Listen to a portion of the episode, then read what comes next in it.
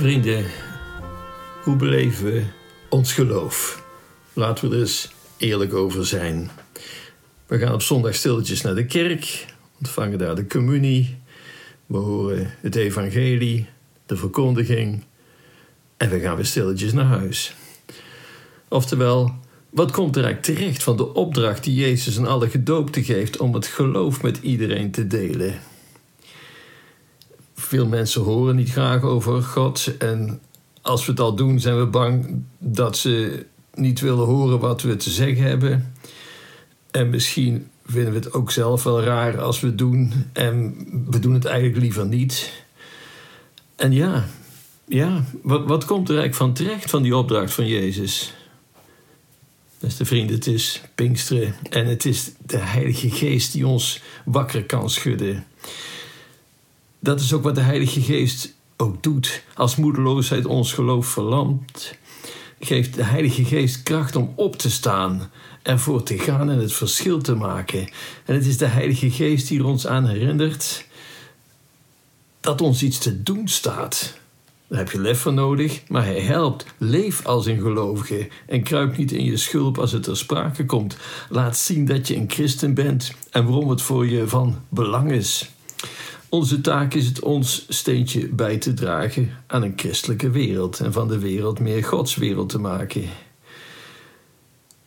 Zeg niet, ja, wat kan ik in mijn eentje doen? Veel, veel.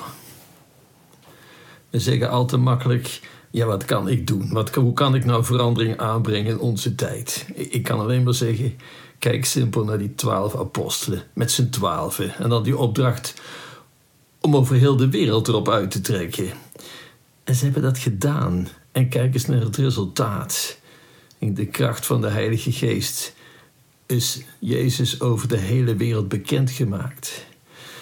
Als, u, als dit argument u niet overtuigt, nou luister dan even naar dit simpel verhaaltje van de eekhoorn en de uil. Een eekhoorntje vroeg eens aan een wijze uil: hoeveel weegt een sneeuwvlokje? Net zoveel als niks, antwoordde de uil.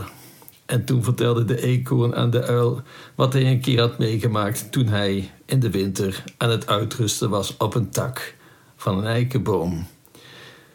En hij telde de sneeuwvlokjes die op die tak neerdwarrelden.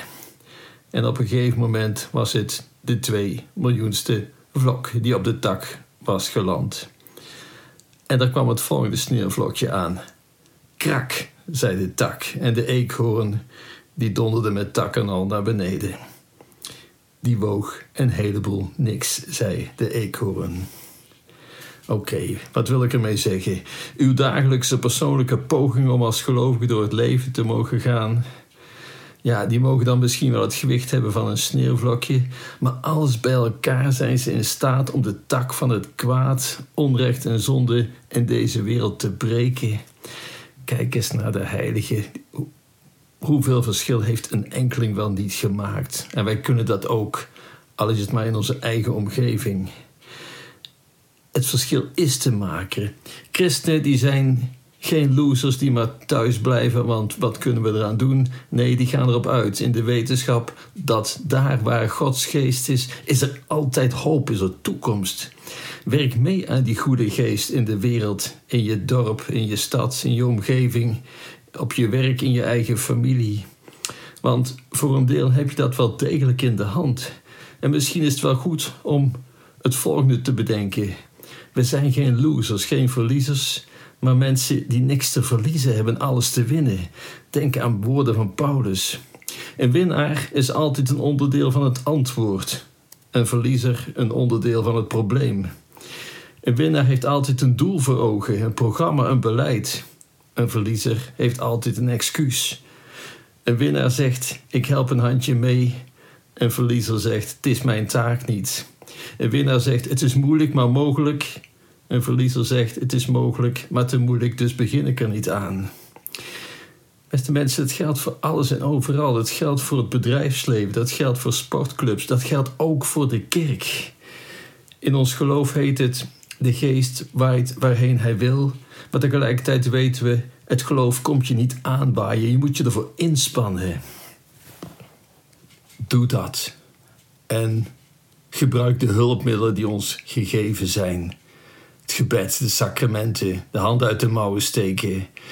En vergeet niet dat de apostelen baden om de komst van de geest. Samen met Maria, betrek ook haar erbij. En weet, het is Gods geest. Het is Gods geest die leven geeft aan de wereld, aan ons leven. Het is Gods geest die al het goede kan keren. Maar hij rekent wel op uw hulp. Zalig Pinksteren.